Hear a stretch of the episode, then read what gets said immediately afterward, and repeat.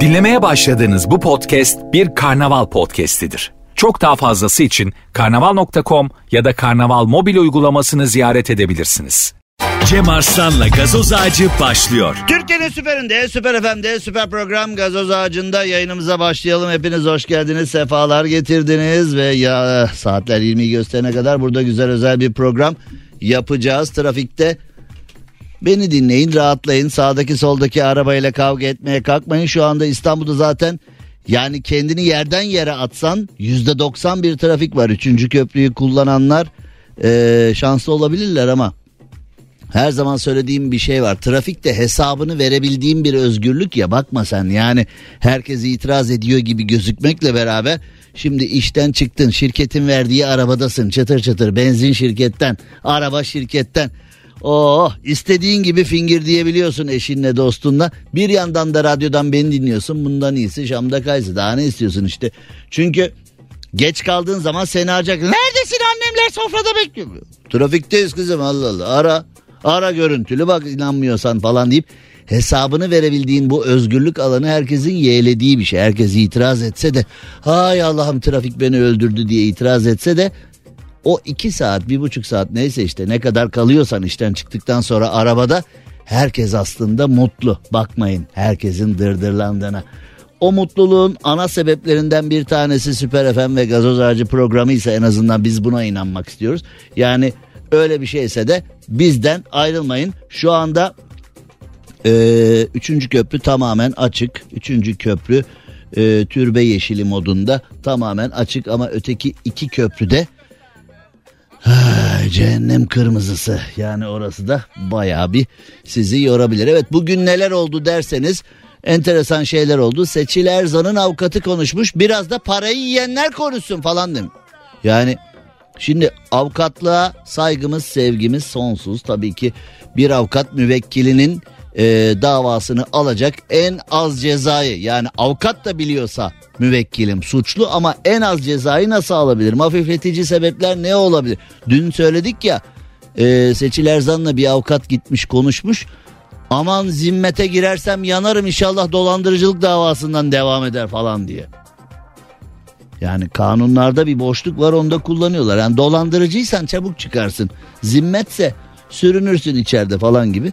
Seçil Erzan'ın bir diğer avukatı da demiş ki biraz da parayı yiyenler konuşsun. Madem Seçil 12 sene yani böyle avukatlıktan ziyade biraz böyle hani sevdiğin arkadaşını ne var ne var hep benim arkadaşım bu suçlu falan diye.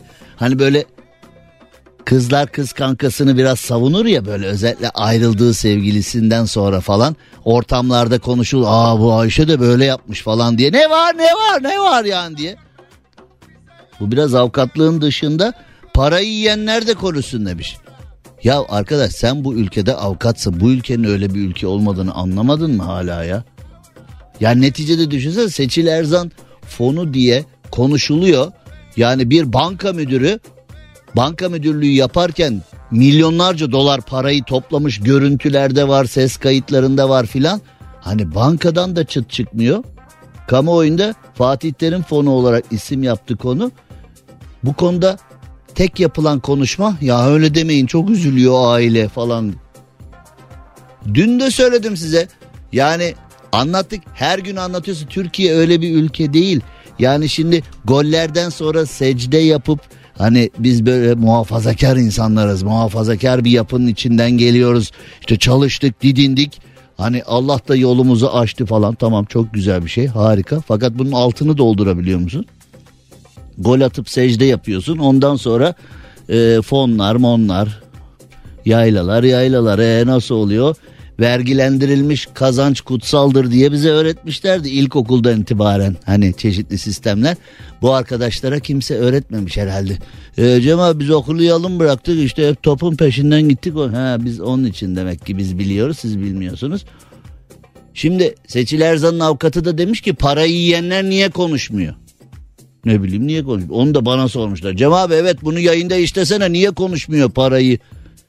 Ya parayı yiyenlerin konuşup konuşmaması parayı yiyenlerin kendi inisiyatifine bırakılırsa tabii konuşmaz. Peki Maliye Bakanlığı hani bu parayı yiyenlerin şimdi hani en son artık skandal patladı tamam da patlamadan önce ödemeler yapılırken o yapılan ödemelerin vergisi filan ödendi mi diye bunu araştıran var mı? Bilmiyorum var mı? Var mı? Rafet'in kulağı deliktir ya gelir öyle. E, var mı falan hani mesela Türkiye kamuoyunu meşgul eden bir konu değil mi bu fon meselesi? Yani mesela Maliye Bakanlığı bizim önümüze tablo koyuyor mu hani şöyle olmuş böyle olmuş şunun vergisi ödenmiş bu bilmem ne falan filan. Faiz haram fon helal mi? Yani nasıl oluyor? Külliyen haram faiz tamam haram fon fonu bilmiyorum yani ulemaya sormak lazım fon faiz haram fon bilinmiyor yani o Soru şu fonda faiz var mı? Fonda faiz var mı? Yani bir görüşe göre para değer kaybetmesin diye tamam faiz haram ama paran değer kaybetmesin diye altına veya dövize çevirmek de ee, çok doğru bir şey değil falan. E tamam da yani bunu uluslararası ülkelerde oluyor. Uluslararası ticarette o Swift hesapları bilmem ne falan yani Yersen papaz eriği diye bir laf var yani. O benim çok sevdiğim bir laf. Çok sık kullandığım bir laf. Şu anda da e, kullanmak durumundayız. Yani yersen papaz eriği işte öyle. Yani dün de anlattım size. Bu ülkede mış gibi yaptığın zaman işin tıkırında gider. Bir işi tam yapman gerekmiyor. Mış gibi yapacaksın. Öyle. Mesela iş yerinde de öyle. Çalışıyor muş gibi yapacaksın. Rapor hazırlıyor muş gibi yapacaksın filan falan. Yani ee, iş yerlerinde çok gülüyorum ya. Bazen mesela torpille bir makama gelen bir tip var. Genel müdür bile ona söz geçiremiyor ya. Bir bakıyorsun bilmem kimin sevgilisi mesela normal memuriyet çizgisinde. Ama ne var ne var diye hani böyle kovamıyoruz da bunu ya hayret ya filan yani öyle ya da mesela patronun yeğeni gelmiş işte 11'de geliyor 2'de gidiyor filan. Şimdi patron bu huzuru bozuyor sizin yeğen filan diye yöneticiler böyle hani utana sıkıldı nasıl söyleyeceğiz bunu patrona falan diye böyle. Ellemeyin yeğenimi. Bir tane yeğenimi idare edemediniz müdür bey nasıl oluyor filan dediği anda patron. Bak şimdi hani sen Boğaz içinde okumuşsun. Harvard'da staj yapmışsın.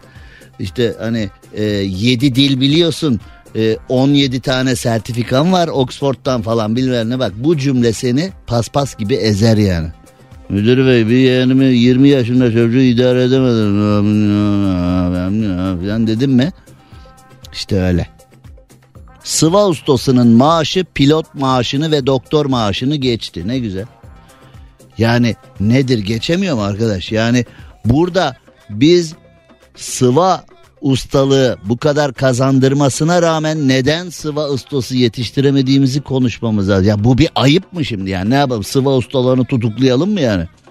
Alın bunu al al al al, al bunu ters kelepçe götür bunu. Sebep pilottan fazla maaş alıyor ya ustaya bak ya. Götürün bunu ekmek su.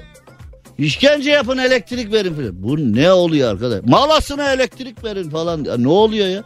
Hani sanki sıva ustasının doktordan ve pilottan daha fazla maaş alması sanki dersin bir suç yani. Hani böyle bir yani bu bizim ülkemizi planlayamadığımızın bir göstergesi. Bu herhangi birinin suçu değil. Şimdi sen ülkede öyle bir imaj yaratıyorsun ki herkes doktor pilot olmaya çalışıyor. Bir ordu düşün herkes general. Er yok. Onbaşı yok. Çavuş yok. Yüzbaşı, binbaşı, yarbay, albay yok. Herkes general orduda. E nasıl olacak bu iş? Yani olmuyor. Toplumun şimdi Ulu Önder Mustafa Kemal Atatürk'ün peşinden niye ayrılmıyoruz? Onun izinden niye gidiyoruz? Yani sadece bir kırı kırı ben Atatürk seviyorum. E öyle. Yani biz neden gidiyoruz? Çünkü Atatürk bir matematik dehası, bir askeri deha olduğu gibi ülkeyi düşmanlardan temizledikten sonra ülkeyi kurarken de bir deha bir şey yapıyor bir devrim yapıyor. Bunu hamala anlatın doktora anlatın filan toplumun tüm kesimlerini ee, bir noktada buluşturmaya çalışıyor. Çünkü o biliyor ki toplumun herkese ihtiyacı var. Çiftçiye de ihtiyaç var doktora da ihtiyaç var hamala da ihtiyaç var Şoföre de ihtiyaç var, işçiye de memura da filan falan. Bunların hepsini organize ediyor. Köy enstitüleri kuruluyor, onlar kuruluyor, bunlar kuruluyor. Yani netice itibariyle e, Macaristan'dan bir hanımefendi geldi. Allah'ım şu anda ismi unuttum. E,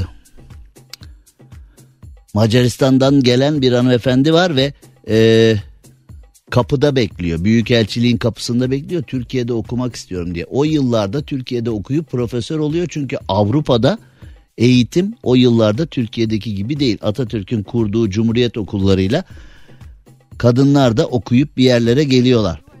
Şimdi neticede biz e, herkesin doktor ve pilot olması, herkesin YouTuber olmak istemesinden kaynaklı sıva ustası yetiştiremiyoruz. Mesela şu anda sıva ustası diyorsun, lahmacun ustası ara bulabilir misin? Döner ustası ara bulabilir misin? Evi boyatacağız adam bulamıyoruz ya dersin. Bulamıyorsun. Yani herhangi bir ustayı bulamıyoruz biz.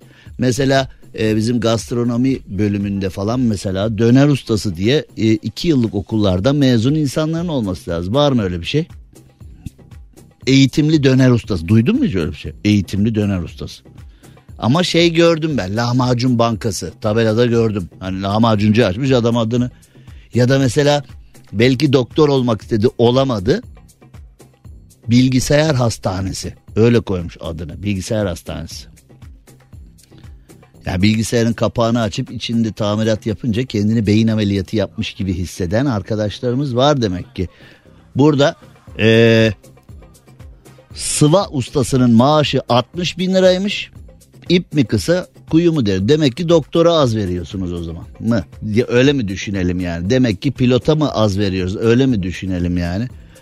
Bu tamamen nereden bakarsan bak bana göre saçma sapan e, plansız programsız hareket ettiğimizin elimizde. Şimdi bu bürokratlara bak işte en yukarıdan en aşağı bakanlara falan bak herkes neyle övünüyor. Efendim genç nüfusumuz var bizim. Gencimiz var bizim ya. Gencimiz nerede bizim gencimiz? Kahvede, maçta, sağda solda sahil yolunda çekirdek çitliyor falan. Hani öyle bir şeyimiz yok ki. Mesela bir çiftçinin çocuğu çiftçi olmak istemiyor. Neden şimdi biz hani e, İsrail'e laf ediyoruz. Tohumu İsrail'den alıyoruz. İsrail'e laf ediyoruz. Ticareti İsrail'le yapıyoruz. İsrail'e Avrupa'ya laf ediyoruz. Avrupa'ya bizim bütün tarım ürünlerini vermemiz gerekirken Avrupa'dan tarım ürünü alıyoruz. Kanada'dan yeşil mercimek alıyoruz. Ya. Böyle bir şey var mı? Yeşil mercimek bizim kara şimşek Kanada'dan geliyor falan. Neden? Çünkü çiftçinin çocuğu çiftçi olmuyor. Çiftçinin çocuğu çiftçi olmayınca kim ekecek o tarlayı? Şu tarlaya bir şini kekere mekere. Kim ekecek orayı? Ha? Yani. Filan falan. Onun için hani sıva ustasının maaşı çokmuş. İşte boğaz içinde okuyup mühendis olacağım sıva ustası olsaydım filan. Bunlar saçma sapan laflar yani. Olsaydın. E demek ki sen de boğaz içini kazanacak kafa var. Evet var ama hayatını planlayacak bir vizyonda zayıflık var. O zaman olsaydın o zaman karar verseydin ben mühendis olmak istiyorum ya da ben fark etmez iyi maaşı olan herhangi bir iş yapmak istiyorum. O zaman sen de Boğaziçi'ni okuyup mühendis olacak vizyonun kafan var o zaman ama kendini tanımıyorsun. Sen demek ki mühendis olmaya değil hangi mesleğin maaşı yüksekse onu yapsaydıma ihtiyacım varmış. Sen de bunu bilmiyormuşsun. O zaman bunu da böyle öğretirler adama işte. Şimdi daha konuşurdum ama sürem bitti. Şarkı da bitti, süre de bitti. O zaman kısacık bir ara verelim. Aranın ardından vakitsiz öten horozları konuşacağız. Öyle bir soru var ya horoz ötüyor mu? Ötüyor. Evet yani. Şimdi e, ona bakacağız. Ve dünyanın en büyük genetik test kiti şirketi soyulmuş.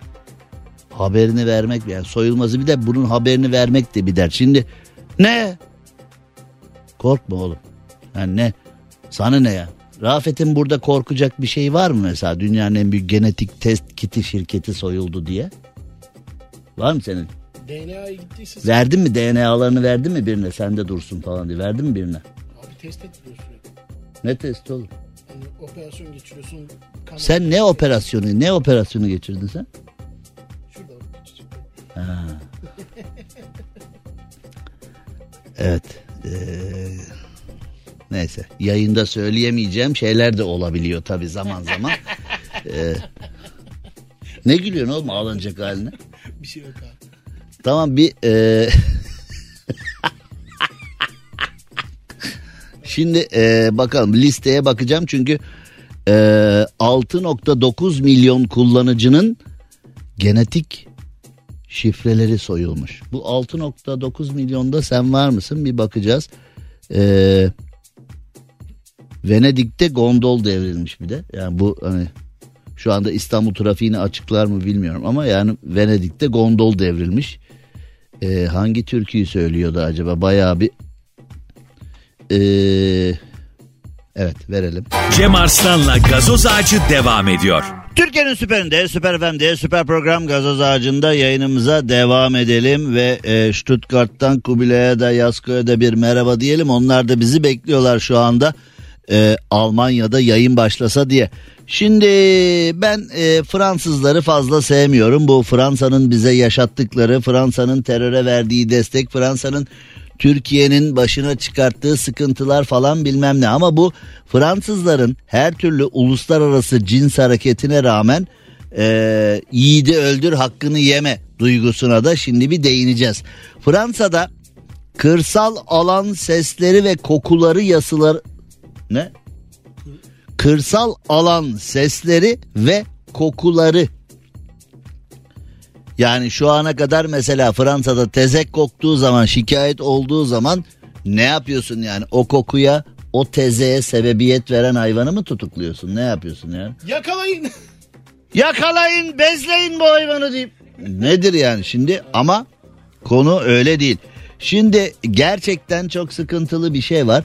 Ee, bazı köyler var inanılmaz güzel. Doğası güzel, havası güzel. Hani o ilkokulda çizdiğimiz filmler var ya dağdan bir dere akıyor. Derenin yanında bir ev. Dağın iki üçgeni arasından güneş doğuyor falan. O ilkokul resmi var ya o ilkokul resmi harika bir şekilde hayatımıza gelebilir. Ama mesela bazı zenginler var, bazı tipler var. İşte şehirde parayı bulmuşlar. Bir el siyasette, bir el ticarette gidiyorlar böyle e, kendilerine göre bir yer alıyorlar.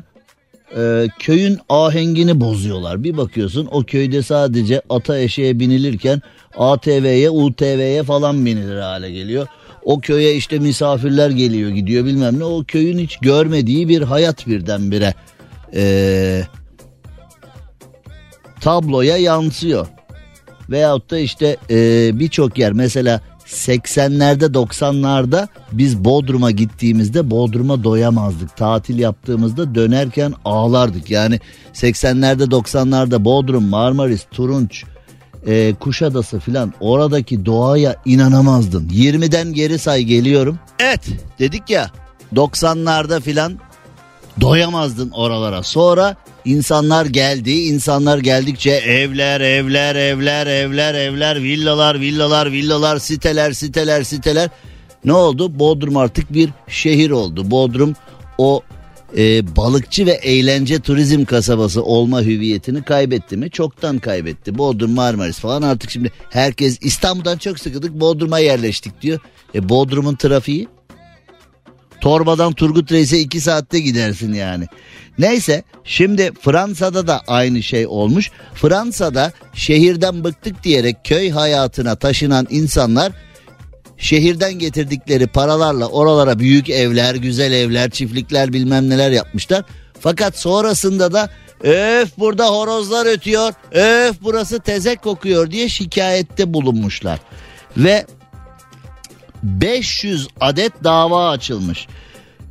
Çiftçileri ya arkadaş demek ki ruh hastası insan dünyanın her yerinde aynı. Yani şehirden köye taşınmışlar. Çiftçileri e, garip horoz seslerine ve tezek kokularına bizi maruz bırakıyorsunuz diye mahkemeye vermişler. Bu bir kişi iki kişi de değil tam 500 kişi. Yani şehirden kaçıp parayı bastırıp lüks evler yapıyorsunuz. Habitatı bozuyorsunuz. Bir de niye burada? Ya köye taşınıp burada niye horoz ötüyor? Yani şimdi burada Şimdi Can Yücel demiş yani bu ülke bu coğrafya küfürsüz yaşamaya müsait değil falan diye bunu normal bir Türkçe ile açıklayabileceğim bir şey değil bu yani.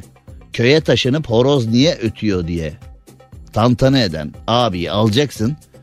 Samanlığa götüreceksin. Horozla baş başa bırakacaksın. Yok yok benle baş başa. Ben o samanlıkta o abiyle ben bu konuyu samanlıkta o abiyle konuşmak istiyor. Daha doğrusu konuşmayacağım. Ben konuşmayacağım. Samanlığa götürüyoruz, bağlıyoruz. İnternetten horoz sesi açıyoruz. Ee, o da olabilir ya da mesela e, koli bandıyla ellerini bağlayalım bir portatif hoparlörü götürelim 7-24 horoz sesiyle orada kalsın yani o da mümkün olabilir Bence daha sağlıklı.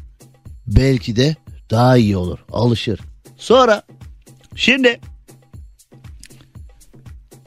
Fransa'da eee 12'ye karşı 78 oyla kabul edilen bir yasa yürürlüğe girmiş. Kırsal alan sesleri ve kokuları yasasını Fransızlar her türlü cins hareketlerine rağmen kabul etmişler. Çiftçilere karşı kötü niyetli davalar açılmasını önlememiz gerekiyor demiş. Kim demiş bunu? Fransız parlamentosu. Yani öyle bir sivil toplum kuruluşu ki o da çok önemli.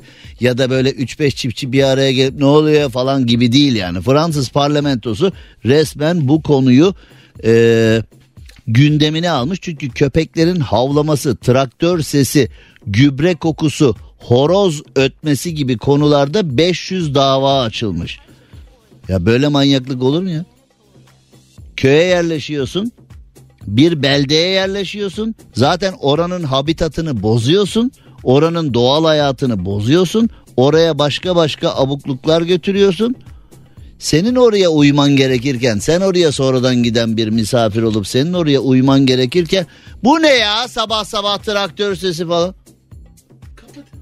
Ya işte üzüldüğüm şey ne?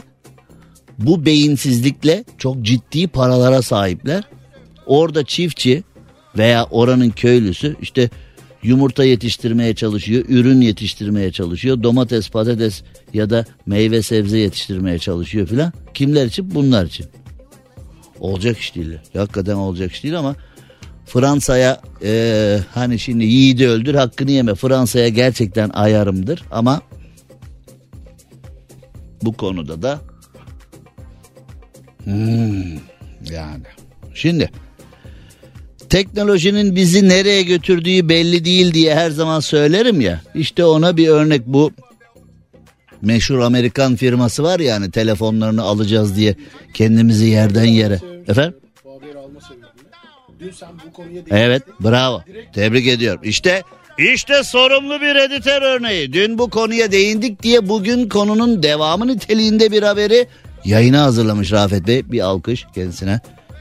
Yani şu anda yayına devam edebilecek miyim bilmiyorum ya. Eşeksin yapma yayın ortasında böyle şey.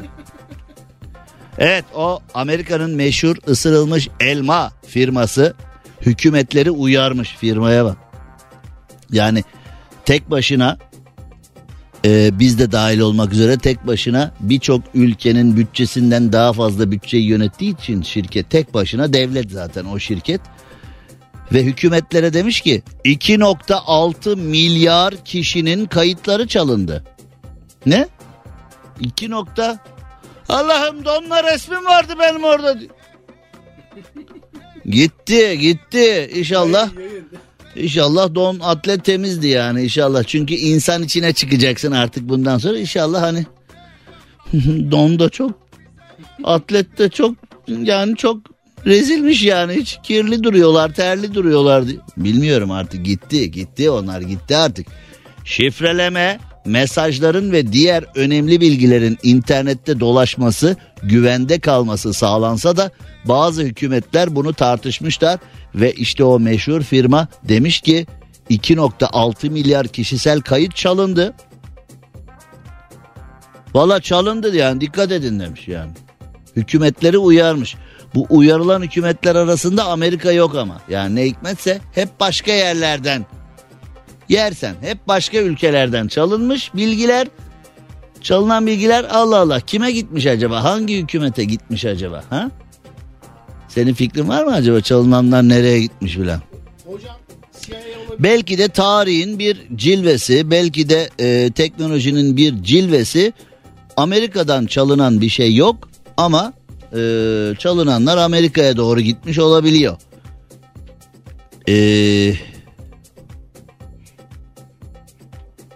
the continued threat to personal data key factors behind the 2023 increase. Bu ne oğlum? Yani bunu Barack Obama olsam bunu çö- Neymiş biliyor musun? Hiç uğraşmayın çevirmeye. Kişisel verilere yönelik devam eden tehdit 2023 artışının arkasındaki temel faktörler. Bir şey diyeceğim. Film ismi. Yeni. Böyle film ismi mi olur? Afişe sığmaz bu. 2.6 milyar kişinin son 10 yılda kayıtları çalındığı için işte o meşhur firma hükümetlere demiş ki fidye de isterler. Sırlarınızı da satarlar. Dikkat edin. Bu mu şimdi ya? Yani düşünsene mesela bir otomobil alıyorsun. Otomobili aldığın firma diyor ki ya biz size işte böyle e, anahtar verdik ya. He, o anahtar çalışmıyor. Arabayı da koltuğa oturan herkes çalıştırabiliyor. Evet. İşte dikkat edin valla bizden söylemesi yani arabayı artık Alıp öyle bizim yani biz size bir anahtar verdik siz o anahtarla kilitlediğinizi veya bu anahtar olmadan o araba çalışmayacağını düşünüyorsunuz ya. Evet. Açıyorlar da çalıştırıyorlar da evet. Ne evet işte söylüyoruz işte ne evet evet ne evet evet. Kapıyı da açıyor motor da çalışıyor ne evet evet söylüyoruz işte. Bir de o seni fırçalıyor yani bir de böyle. Ay, ne güzel konuşuyorduk ama olmuyor öyle işte yani. Tatlı tatlı konuşmanın güzel güzel reklam araları var. Cem Arslan'la gazoz ağacı devam ediyor. Sometimes it can feel like food has an emotional control over you. Well, it's time to show your food who's boss with Noom. Noom uses science and personalization to help you manage your weight for the long term. Their psychology based approach helps you build better habits and behaviors that are easier to maintain. The best part? You decide how Noom fits into your life, not the other way around. Sign up for your trial today at Noom.com. That's N O O M.com to sign up for your trial today. Türkiye'nin süperinde, süper FM'de, süper program gazoz ağacında eee, şu anda kayınbiraderim ve kayınpederim yoldalar. Bizi dinliyorlar. Buradalardı. Eee, gidiyorlar artık. Beraberdik. Eee, Ayda da çok seviyor ama eee, Hüseyin Engin tutturdu gideceğim diye. Bunu bir çözmem lazım. Rafet sence neden Bizim reis neden hep böyle gideceğim gideceğim diyor Hüseyin Reis. Bir İzmir'e gitmem lazım İzmir'e. O İzmir'de neler oluyor? Ha? Görsellerden sonra gider abi sürekli. Rafet diyor ki o görsellerden sonra ben de şüphelendim diyor. Hüseyin abiden diyor gidecek herhalde diyor. Sen benim kayınpederimden kimsin sen şüpheleniyorsun? Valla reis seni korumaya çalıştım ama bu arkadaşta bir e, şüphe oluşmuş yani. Bilmiyorum bu e, İsmail Ağaoğlu ve Hüseyin Engin'i çözmemiz lazım ikisi. İki dünürü.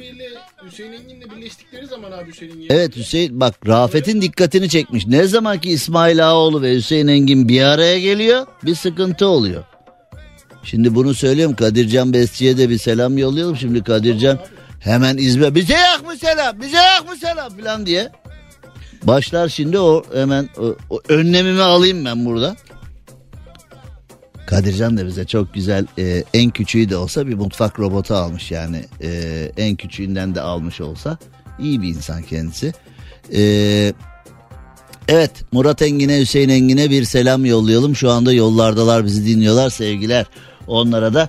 Bu arada e, Galatasaray'ın maçı olduğu için Anadolu yakasından Avrupa yakasına özellikle Fatih Sultan Mehmet Köprüsü'nden gidenler için orada yol oldukça sıkışık alınan önlemler var. Tabii ki maça gidenler gelenler e, o yolu bayağı bir tıkamışlar. Fatih Sultan Mehmet Köprüsü'nü kullanarak Anadolu Avrupa'ya tarafına ilerlemek istiyorsanız maçtan dolayı oldukça yoğun bir trafik olduğunu da sizlere söylemek zorundayız. Şimdi bir özlemimi paylaşmak istiyorum. Bir özlemimi paylaşmak adına Cumhurbaşkanı Erdoğan'ın Yunanistan'la yaptığı ziyaret, Yunanistan'la yaptığı temas ve onun ardından oluşan e, bir konu. Şimdi Yunanistan'la papaz olduğumuz zamanlarda ki olmadığımız zaman yok. Komşularla sıfır sorun. Şimdi AK Parti'yi hatırlıyorum. Yıllar yıllar önce komşularla sıfır sorun parolasıyla e, yönetime gelmişlerdi. Ama e, birçok komşumuzla papaz olduk. Yani dünyanın birçok ülkesiyle papaz olduk. Ya dış politika böyle bir şey değil. Şu dış politikayı iç politikaya alet etmekten vazgeçin falan dediğimizde de artist sana mı söyledi? Sana mı söyledi nasıl olacak? Şimdi diyorum ya Türkiye'de hep böyle yani. Öyle de yapsan alkış böyle de yapsan alkış aldığında bazı şeyleri düzeltmekte zorlanıyoruz falan diye. Dış politikada ayar olduğumuz ülkeler ayar olduğumuz konular olsa bile bunları diplomatik yoldan halletmemiz gerekiyor. Adı üstünde diplomasi falan dediğimizde kızıyorlar. Çünkü bizde başka ülkelere fırça da atsan alkışlanıyor.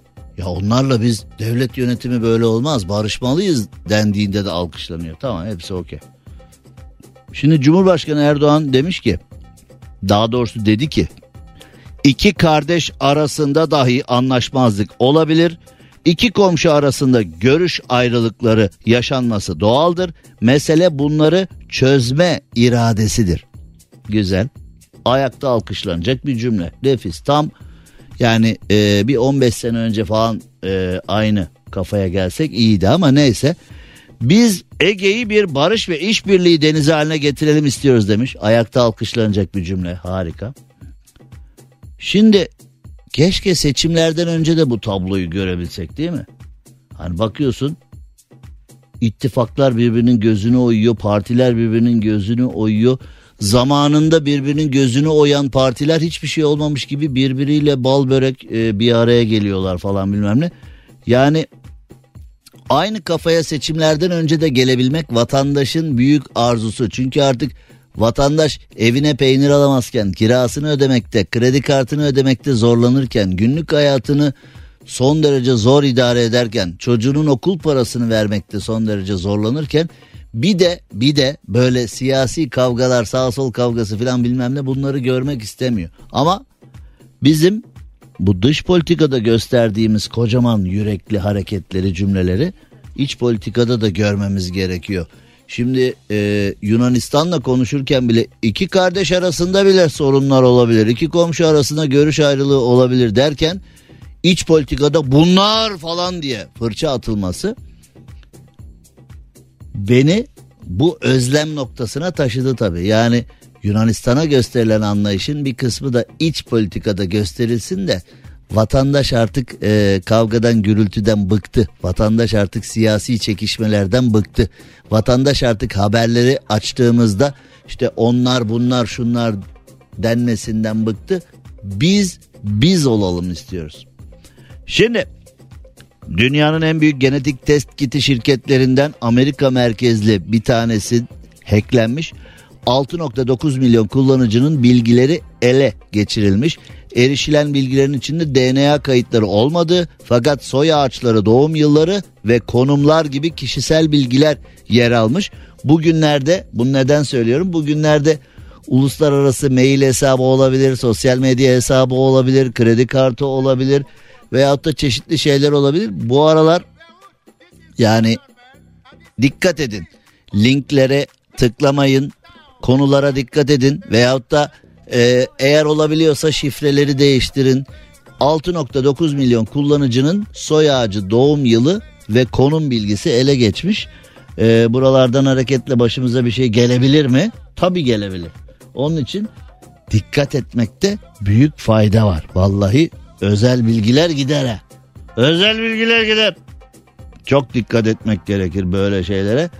Ki zaten cep telefonuna herhangi bir şey kaydettiğinde ben o kaydın şifreyle güvence altına alınabildiğine çok inanmıyorum. Yani şifresi var abi Face ID var benden başkası bakamaz ki falan diye. Ha karından kocandan sevgilinden filan saklamada belki iş yapıyor olabilir ama eğer senin özel bilgilerine hakikaten birilerinin ihtiyacı varsa e, sen hor hor uyurken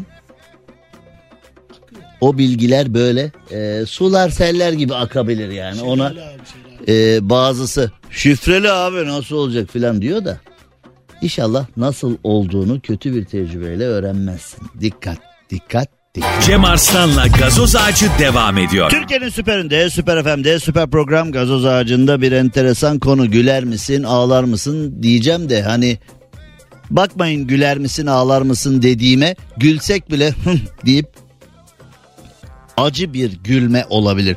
Türkiye Somali'ye nedendir bilinmez 1 milyar dolar yardım yapmış en azından bilgi böyle.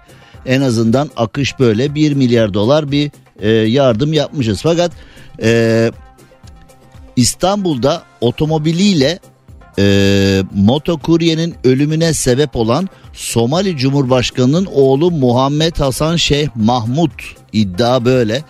E, iddia odur ki Somali Cumhurbaşkanı'nın oğlu Muhammed Hasan Şeyh Mahmut e, ifadesi alındıktan sonra serbest kalmış. Serbest kaldığı anda hakkında yakalama kararı çıkarılmış. Yani bu biraz yani güler misin ağlar mısın dediğim şey bu değil mi ya? Yani şimdi bir kurye kardeşimiz Allah rahmet eylesin e, bir kurye kardeşimiz hayatını kaybediyor bir otomobilin çarpmasıyla. Çarpan kişi çarpan şoför gözaltına alınıyor ifadesi alınıyor ifadesi alıp serbest kalıyor ama serbest kalan kişi hakkında yakalama kararı çıkıyor. Zaten serbest kaldıktan hani sesten hızlı Türkiye'yi terk ediyor. Serbest kaldıktan bir dakika sonra falan savcılık da açıklama yapmış. Şüphelinin yurt dışına çıkış yasağı var demiş. E, nasıl gitti? Şimdi hani zaten elinizdeki adamın e, yakalama kaydı varsa nasıl serbest kalıyor? Serbest kalması zaten bir acayiplik. Hakkında yurt dışı çıkış yasağı varsa yurt dışına hangi sınır kapısından hangi pasaport kontrolden çıkmış falan. Yani hakkında çıkış yasağı var olan birisi yurt dışına çıkıyorsa onun geçtiği pasaport kontrol noktası bir araştırma geçirecek mi bir soruşturma geçirecek mi nasıl oluyor da oluyor falan ve bu konu e, havuz medyasında da pek yok. Yani e, şimdi hani Türkiye'de iki tip medya var ya ne yapacağız edeceğiz iktidarla alakalı negatif bir haber bulacağız diyen bir kanat var. Ne yapacağız edeceğiz muhalefetle ilgili garip bir şey bulacağız. Ne yapacağız edeceğiz iktidarı parlatacağız. Ne yapacağız edeceğiz muhalefeti parlatacağız falan. Böyle hani medya gördüğünü anlatsın. Medya e, takip ettiği konuyu anlatsın onlar e, 20 sene önce falan tarihe karıştı onlar. Yani eskiden de tabii ki e, havuz medyaları vardı iktidar ve muhalefetin tarafında medyalar vardı ama en azından tarafsız gazetecilik yapanlar da çoğunluktaydı. Günümüzde pek öylesi yok. Bu konu pek havuz medyasında da yok. Somali devlet başkanının e, oğlu bu kuryenin ölümüne sebebiyet veren kişi e, iddia bu. Yunus Emre Göçer kardeşimiz e, 38 yaşındaki bu kurye kardeşimiz hayatını kaybetmiş. Somali Cumhurbaşkanı'nın e, oğlu iddia odur ki bu çarpma olayını gerçekleştirmiş ve savcılık tarafından sorgulanmış. Sonra nasıl oluyor buhar olmuş? Ninja dumanı atıp gitmiş ortalıktan ama nasıl olmuş da olmuş birdenbire gitmiş. Şimdi hani e, gerisi nasıl olacak? E, asli kusurlu olduğu da tespit edildi şeklinde e, haberler hazırlanmış. Kazanın ardından e, hazırlanan bilirkişi raporunda motokurye Yunus Emre Göçer'in kaza esnasında karayolları trafik kanununda belirleden herhangi bir maddeyi ihlal etmediği, kusurlu bulunmadığı belirtilmiş. Karayolları Trafik Kanunu ve Karayolları Trafik Yönetmeliğine göre takip mesafesine uyulmadığı ve motosiklete arkadan çarpması nedeniyle yaşanan kazada kusurlunun Somali Cumhurbaşkanı'nın oğlu Muhammed Hasan Şeyh Mahmut olduğu vurgulanmış. İddia bu. Yakalanma kararı çıkartılmış. Ee, İstanbul Cumhuriyet Başsavcılığı Cumhuriyet Nöbetçi Suç Ceza Hakimliğine yazı yazmış. Ee, yakalansın demiş. Ee, yurt dışına çıkmış ama bütün buna bütün bu olaylara rağmen nasıl oluyor da oluyor? Vallahi oluyor be. Yani Türkiye'yi seviyorum ya. Bu tür konuların bir tane cevabı var ya burası Türkiye abi. Ya mesela şimdi bu konuyla alakalı belgesel hazırlarsın, belgesel çekersin, kitap yazarsın, e, 5000 sayfa yazı dizisi hazırlarsın ama gerek yok bizde değil mi? Yani bizde konu daha kolay yani. Burası Türkiye abi olur abi burada. Devreye kim girdi, nasıl oldu da oldu, hakkında yakalama kararı olan, hakkında yurt dışı çıkış yasağı olan bir kişi. Yani şimdi mesela babası olsa anladık diplomatik dokunulmazlık ama diplomatik dokunulmazlık demek e, git birinin ölümüne sebebiyet ver demek mi yani diplomatik dokunulmazlık bu mu yani? Diplomatik dokunulmazlığım var benim. İşte beni bıçaklayan kadın da öyle. Soruyorlar niye bıçakladınız Cem Arslan? Benim raporum var falan diyor. Hani bu raporu o kadına birisi kim verdiyse yani hangi doktor hangi heyet verdiyse al kızım bu raporu canının istediğini git bıçakla sana bir şey de yapamazlar. Zaten senin raporun var kimse sana bir şey de diyemez. Al kızım bu raporu kimi istersen bıçakla kimi istersen bıçak. Böyle mi verilmiş rapor? Yani ben doktor değilim nöroşirurji uzmanı değilim, nörolog değilim, psikiyatrist değilim ama düz mantıkla yani e, beyni leblebiden büyük bir insan olarak düz mantıkla baktığımda yani hangi rapora sahip olursanız olun artık topluma zarar veren, toplumu bıçaklayan, topluma ateş eden, topluma tehlike yaratan bir noktaya geldiğinizde en azından yarı hastane, yarı hapishane şeklinde bir yerde zaptırapt altına alınırsınız. Çünkü topluma zarar veriyorsunuz gerekçesiyle.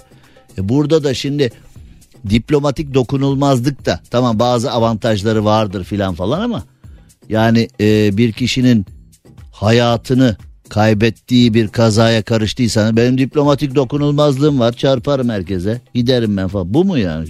Diplomatik dokunulmaz yani anlaşılması zor konular ama neticede e, devlet başkanının oğlu uzamış gitmiş işte şimdi savcılık demiş ki yurt dışına çıkış yasağı vardı nasıl oldu? Rafet hazır ol da yani e, 20'de yayın bitince biz bir gidip bakalım bari nasıl olmuş ya biz bakalım bari. Bakan yok herhalde biz bakalım yani. Şimdi biz de Şimdi bu konunun üstünde durduk. Biz de e, bir devlet başkanının oğlu bir kuryeye çarpıyor. Kurye hayatını kaybediyor. Şimdi e, kendisi bir tam bilgim yok bir baba mıydı bilmiyoruz ama birilerinin evladı, birilerinin abisi, birilerinin dayısı, amcası, e, birilerinin arkadaşı. Yani bu yağmurda, çamurda, bu olumsuz hava koşullarında ekmek parası için bir de herhangi bir herhangi bir kusuru da yok. Karayollarının belirlediği bir e, konu da yok yani. Böyle bizde e, ölüme sebebiyet vermiş. Baba uzamış gitmiş. Bir de şimdi birileri bilmiş bilmiş kahvelerde berberlerde filan yorumlar yapılıyor. Abi bu öyle değil işte bu öyle. Devreye diplomasi giriyor. Devreye işte böyle abiler giriyor falan filan. Ne devresi oğlum bu? Ne devresi? Burada bir insanlığın olması, burada bir vicdanın olması, burada bir adam ölmüş adam, adam ölmüş. Daha bunun artık diplomasi gri pasaport, kırmızı pasaport, bilmem ne şu bu falan öyle bir şey var mı? Adam ölmüş ya. Bunun artık ötesi var mı? Neyse. Bizde konu böyleyken Japonya'ya gidiyoruz. En sevdiğim ülkelerden bir tanesi gerçekten Japonya'yı görmeden ölürsem gözüm arkada kalacak henüz gidemedik. Japonya'yı çok seviyorum. Japonları çok seviyorum. Gerçekten duruşu olan insanlar, düzgün insanlar. Japonya'nın başkenti Tokyo'da bir taksi şoförü kuş sürüsüne çarptı. Bir güvercin hayatını kaybetti. Taksicinin güvercini kasten ezip öldürdüğü düşünüldüğü için taksici tutuklandı. Şimdi yani ee, konu bizde yani güleyelim mi, ağlayalım mı, yerden yere mi atalım kendimizi, tepinelim mi? Taksiciye demişler ki elimizde görüntüler var. Sen bu güvercini bizzat ezdin, kasten ezdin. Ee, Tokyo polis sözcüsü şoför Atsushi Ozawa'nın geçen ay Tokyo'da av hayvanı olmayan bir güvercini öldürmek için arabasını kullandığı gerekçesiyle tutuklandığını söylemiş. Şüpheli polise verdiği ifadede Yollar insanlar içindir. Arabalardan kaçmak güvercinlerin elinde ama kaçmadılar ben ne yapayım demiş. Bu da Japonların nazarlığı herhalde bu tipte. Ee, bence bu gelsin bizde yaşasın. He? Bizde yaşasa. Ben bizde var ya mesela bizde emniyet müdürlüğü falan dese ki biz birisi güvercini ezdi biz de onu tutukladık filan. Oğlum işiniz mi yok ya? Oğlum burası Japonya mı işiniz mi yok? Ne yapıyorsunuz oğlum ya? Bir de hüküm giyse içeride. Vallahi burada yani eee, güvercin ezdi diye güvercin ezdi diye yani şoförü tutuklasa polis polis tahkikat geçirebilir. Oğlum siz ne yapıyorsunuz ya? Size biz rütbe veriyoruz, kimlik veriyoruz, silah veriyoruz. Siz ne yapıyorsunuz oğlum? Bir de şey derler teşkilatı meşgul ediyorsunuz bunlarla. Düşün bizde kurye ölmüş. Kimseden gık çıkmıyor vuran olduğu iddia edilen kişi de so hakkında yurt dışına çıkış yasağı olmasına rağmen almış başını gitmiş. Japonya'da da güvercin ezip öldürdüğü için adamı tutuklamışlar tutuklamış yani öyle hani e, güvercine ezmiş karakola götürdük oradan savcılığa götürdük savcı ifadesini aldıktan sonra serbest bıraktı falan değil yani. Olay Japonya'da gündem oldu nasıl olmasın ki? Sosyal medyada şoför hakkında birçok paylaşım yapıldı. Halk şoföre kin kustu. Elin oğlunun güvercine verdiği değere bak. Bizim ülkemizde insana verilen değere bak. Daha artık bunda söyleyecek bir şey var mı? Ha? Ee, benzinin litre fiyatı bu geceden itibaren 1 lira 65 kuruş ucuzlayacakmış. Ucuzluyor yani biz hep pahalandı haberini veriyoruz. Yan, bünyeniz kabul ediyor mu bu haberi? Cem yanlış siz de yaşlandınız bunadınız yanlış o artıştır o artış o. Artistler alamazlarda. Artist değil artış artış artış var mı? pa- Artistler alamazlarda. Benzin 1 lira 65 kuruş artmayacak düşecek. Vay be bugünleri de gördük be. Ha? Ver ver reklam arası ver. Bugünleri de gördük ya artık ölsek de gam yemeyiz. Cem Arslan'la gazoz ağacı devam ediyor. Reklam arasında bu Rafet Gür az daha bana sağlıklı bir şey yediriyordu ya. Oğlum sağlıklı gıdalar bize gelmiyor. Sen bilmiyor musun ya? Biz Türk'üz yani. Kaçırmışım abi. Kusura. Hafta sonu geldiğine göre hafta sonunun en önemli hafta sonunun en ama en önemli aktivitesi nedir? Sevgili. Ha? Yani var olan sevgililerin birbiriyle takılması veya sevgili olmaya çalışanların birbiriyle takılması. Sevgili hafta sonu gündemde hep ama hep sevgili var. Hep ama hep sevgili var hafta sonu gündemde. Şimdi Bursa Uludağ Üniversitesi yakınlarında iki sevgili arasında tartışma çıkmış. Bunu izlemişsinizdir. Yani sanıyorum hani şu anda ilk defa benden duymuyorsunuz. Yani en azından birçok kişi benden duymuyor. Bunu izlemişsinizdir. %99 görükle de olmuştur abi. Ee, eğitim hayatını Bursa'da yani Bursalılardan özür diliyorum. Bursa vilayetimizden canı yürekten özür diliyorum. Orhan Molla Salih'ten de özür diliyorum. Yani eğitim hayatını Bursa'da eee, tamamlayan Rafet Bey diyor ki kesin Görük'le de olmuştur böyle bir şey diyor. Bakalım nerede olduğuna da bir bakarız şimdi. Bursa Uludağ Üniversitesi yakınlarında iki sevgili arasında tartışma çıkmış. Ee, iki sevgili birbiriyle kafa göz birbirlerine daldıktan sonra birbirlerinin valizlerini camdan atmışlar. Çok güzel. Yani tam bir ruh hastası sevgili e, hikayesi. Yani dünyanın en dangalak olayı değil mi yani? Mesela sevgiliyken bayıla bayıla ona hediyeler alıyorsun. O da sana hediyeler alıyor.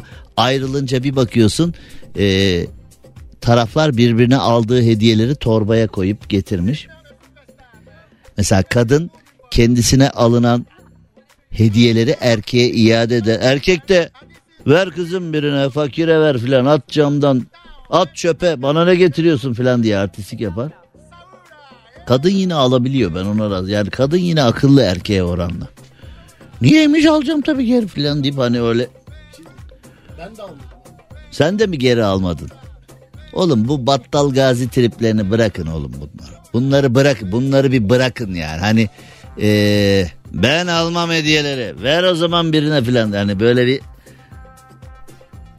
yani eee, erkeğin böyle hareketler yaptığı zaman kendini erkek hissetmesi çok enteresan geliyor. Yani bu erkekliği böyle hediyeyi geri almayız biz erkek adamız falan derken hani hediyeyi geri almazken gösterdiğin performansı ilişki devam ederken bir erkeğe yakışır hareketler olarak devam ettirsen belki de o ilişki bu noktaya gelmeyecek. O da e, apayrı bir konu. Çünkü ben birçok ilişkideki birçok mevzuya rastlıyorum. Şimdi e, erkek erkeklik yapıyor göğe falan böyle hani basmak alıp veyahut da böyle yüzeysel hareketlerle. Sonra ilişki içindeki davranışlarına bakıyorsun erkeklikle veyahut da erkeklik gururuyla hiçbir alakası yok. Oğlum sen hani delikanlıydın oydun buydun bilmem ne kurtlar vadisi pusudan fırlamış gibi takılıyordun filan. Ne oldu? Yanlış konuşuyorsun Cem Arslan. Bak filan diye hani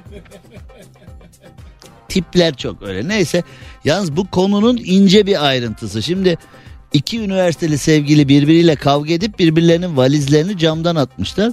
Sonra e, polisin çilesine bak. Bursa Emniyeti olay yeri inceleme ekibi bomba imha ekibi gelmiş. Bu valizlerde acaba sıkıntılı bir şey mi var diye. Tabii gelecek ne yapacaksın yol ortasında valiz duruyor yani gelmeyip ne yapacaksın? Bomba mı insanlara çoluğa çocuğa masumlara zararlı bir şey mi? Emniyet tabii ki üstüne düşen görevi yapmış.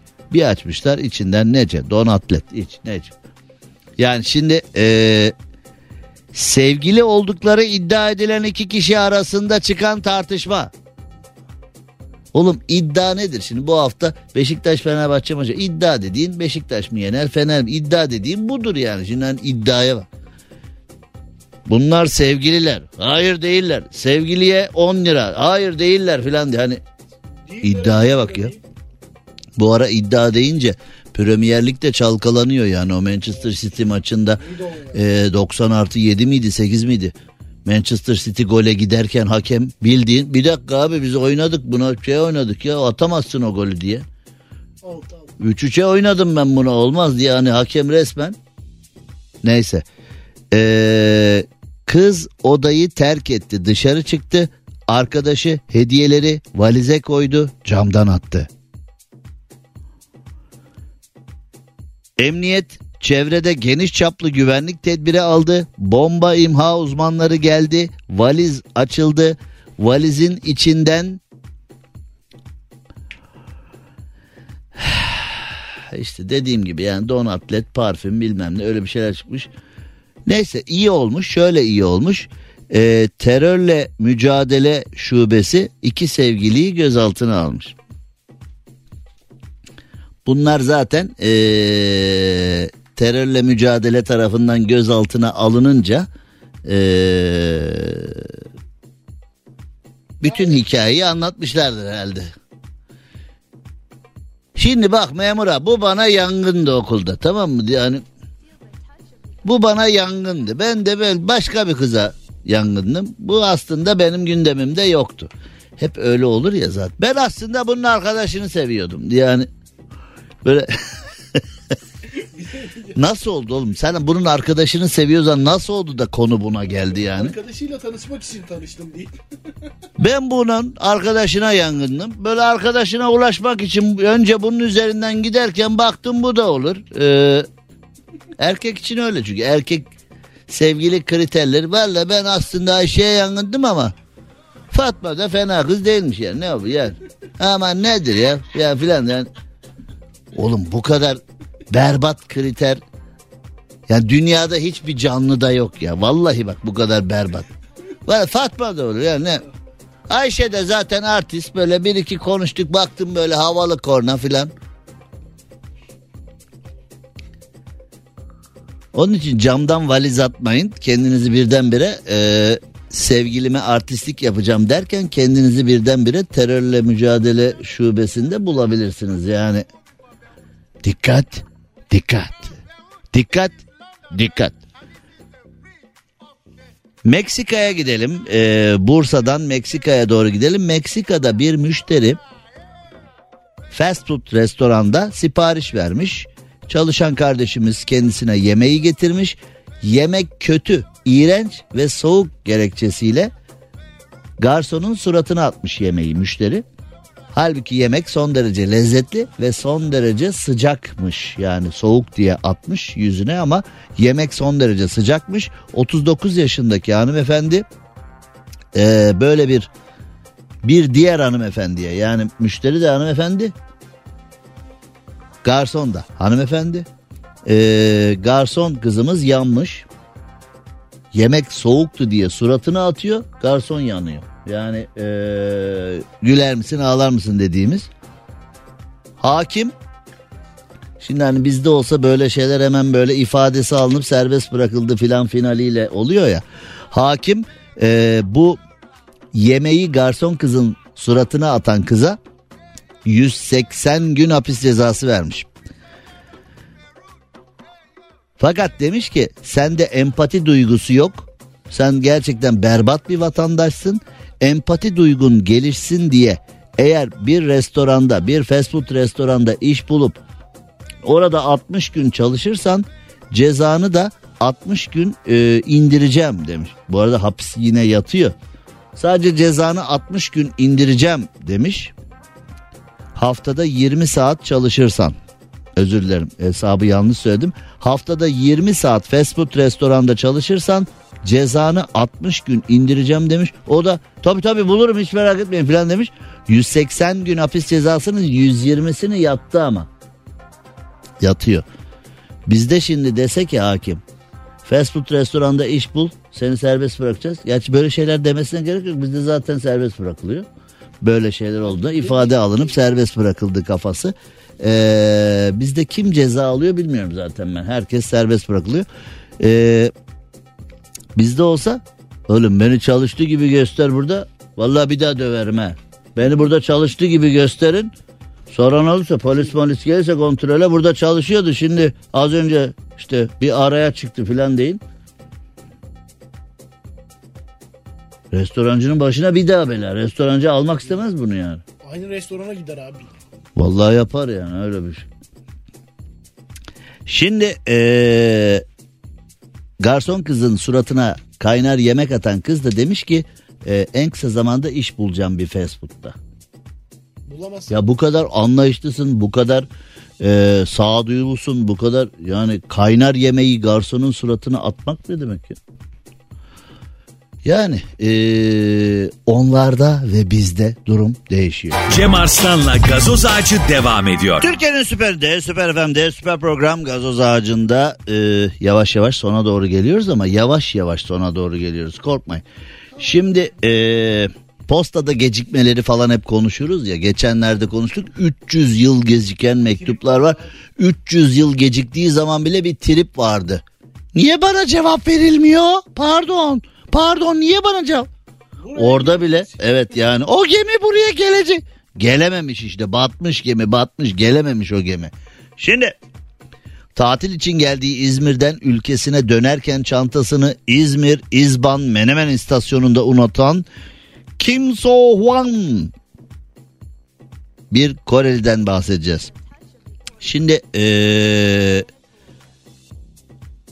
8500 kilometre uzaktan gelmiş İzmir'e. Yani bu da ya uçağa biniyorsun iniyorsun kaç kilometre olduğu kimin umrunda arkadaş ya onu mu ölçüyoruz şimdi yani. Arabayla giderken eyvallah da yani şimdi Güney Kore'den biniyorsun e, İstanbul'da iniyorsun ondan sonra bir daha e, İzmir'e geliyorsun falan filan. Evet 8500 kilometre. İzmir Menemen istasyonunda Güney Koreli Kim So Hwan eşyalarını unutunca oradaki güvenlik görevlisi kardeşimiz eşyaları almış kayıp eşya bölümüne teslim etmiş. Kayıp eşya bölümünde kameralar önünde çanta açılmış içinden dizüstü bilgisayar dahil birçok özel eşya çıkmış. Tüm çıkan eşyalar kayıt altına alınmış cüzdandan kimlik tespit edilmiş. Sonra Kore konsolosluğu ile görüşülmüş. Yani kimlikten bulmaları büyük mucize çünkü Güney Kore'de herkesin adı Kim. Yani kaç kişinin adı Kim dersen nüfusla çarp yani. Güney Kore'den İstanbul'a uçuş süreleri 9 saat 45 dakikadan 15 saat 25 dakikaya kadar. Evet çıkabiliyor. 9 saat 45 dakikadan 15 saate kadar uçuş süreleri varmış. O herhalde Ee, ucuz bilet kovalayanlar için işte o kaç tane stop olduğuna bağlı. Yani kaç durak geliyorsan, kaç aktarma geliyorsan. Neyse 31 yaşındaki öğrenciyi Kore konsolosluğu bulmuş. Bence isimden bulmamıştır. Kimlikteki numaradan falan bulmuştur. Çünkü dediğim gibi herkesin adı kim olduğu için ee, konsolosluk irtibat numarası bulmuş. Görüşme sağlanmış. Çantanın İzmir Menemen'de güvence altında olduğu bilgisi çocuğa verilmiş ve sonra çanta postayla çocuğa yollanmış. Posta ücretini kim ödedi acaba? Karşı ödemeli. Karşı ödemeli mi yolladık yoksa o da kötü oluyor. Şimdi bana mesela karşı ödemeli o da geldi başıma. Bir gün e, ben Erzincanlıyım. Radyoya bir Erzincanlı yazar gelmiş. Cem abiyi göreceğiz, Cem abiyi göreceğiz, Cem abiyi göreceğiz. Bana e, kitap getirmiş. Abi dedi bunun tanıtımı için bana yardımcı ol kitabın tanıtımı için. Yani baktım hani kitapta böyle pek yardımcı olunacak intibayı vermemekle birlikte iyi inceleriz biraz bakalım falan dedik. Yani bakalım eğer e, olabilecek bir şeyse yapmaya çalışırız falan dedik. E, abi 200 lira alayım dedi. Efendim dedim 200 lira alayım dedi. Ne dedi? Ben kitapları satıyorum öyle bırakamam sana dedi. Ben de ona bir reklam faturası çıkarttım. Sen de o zaman dedim kitabının tanıtımını istiyorsan ee, şurada vezneye yatır dedim para vezneye. Öyle şeyler yok değil mi artık? Vezne diye bir şey yok değil mi? İban. Direkt İban. Var da yok. Var da yok yok da var var da yok yani. Enteresan şeyler olmuştu.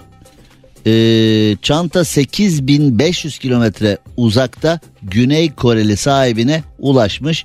Ee, Güney Koreli çantanın sahibi 31 yaşındaki öğrenci bir videoyla İzban yetkililerine teşekkür etmiş. Biz de buradan İzban yetkililerine canım İzmir'e bir teşekkür edelim. Canım İzmir, canım İzban. Ee, Türkiye'nin uluslararası arenalardaki ismini son derece başarılı bir şekilde temsil ettiğiniz ve bu güzel olayı e, bizlere yaşattığınız için teşekkür ediyorum. Dedim ya ben geçen ay Roma'daydım. Roma'da taksi şoförü bizi 50 euro dolandırdı. E, bunu dolandırıcılık olayının olduğu merciye yazdık. Herhangi bir ilgilenen olmadı ve bana da kızdılar. Oğlum orası İtalya ya orada taksici hiç affetmez dolandırır orada falan diye. Hani benim başıma dolandırıcılık olayı geldiği hani böyle ben Roma'ya gittim dondurma yedim ya da İtalya'da pizza yedim makarna yedim falan diye o seri böyle hani dondurma pizza makarna taksici dolandırması o öyle bir Paket. paket program yani. Ama işte buna rağmen milyonlarca kişi İtalya'dan çıkmıyor. Bizim yaptığımız harekete bak 8500 kilometre öteye bilgisayarına özel eşyalarını yolluyoruz. Yine de e, hakkımızda ileri geri konuşanlar var. Kısa bir ara. Cem Arslan'la gazoz ağacı devam ediyor. Türkiye'nin süperinde, Süper FM'de, Süper Program Gazoz Ağacı'nda artık geldik sona. Hafta sonu geldi. Hafta boyunca e, yazıldığınız kişilerden inşallah güzel haber gelmiştir hafta sonu. Onlarla buluşur, onlarla güzel vakit geçirirseniz. NBR SLM'ler. Rafet Bey var mı sizin hamleleriniz, sosyal hamleleriniz birileriyle buluşmak adına? Bu hafta sonu evle ilgili. Bu hafta sonu evli evet Rafet Bey'in e, bir küçük afet yaşadı Allah bir daha yaşatmasın. E, yeni bir evi var. E, Rafet Bey ameliyathaneyi hazırlayacak bu hafta sonu. E, ileriki sosyal yaşantısının selameti için bu hafta evini e, dört dörtlük hale getirmesi gerekiyor değil mi? Yani ev önemli evet yani ev beşeri ilişkilerde ev önemli. Yani Değerli bir buluşma açısından zaman geçirme açısından değil mi yani? Suyu bağlattın mı? Su, elektrik, doğalgaz. elektrik su doğalgaz var mı? Tamam sen yani e, yüzde seksen yol almışsın. Elektrik su doğalgaz varsa çekyat halı. Çekyat var halı geliyor. çekyat ses yapıyor. Halı olmayınca ses yapıyor. Yani halı yine sesi emiyor falan böyle bir bizim bir konuşmamız lazım bu konu. Evet şimdi ee, halı emiyor oğlum sesi ben ne yapayım ben halı Aa, halı sesi emiyor bu da benim gider misin buradan? Pazartesi görüşürüz pazartesi. Cem Arslan'la gazoz ağacı sona erdi. Dinlemiş olduğunuz bu podcast bir karnaval podcastidir. Çok daha fazlası için karnaval.com ya da karnaval mobil uygulamasını ziyaret edebilirsiniz.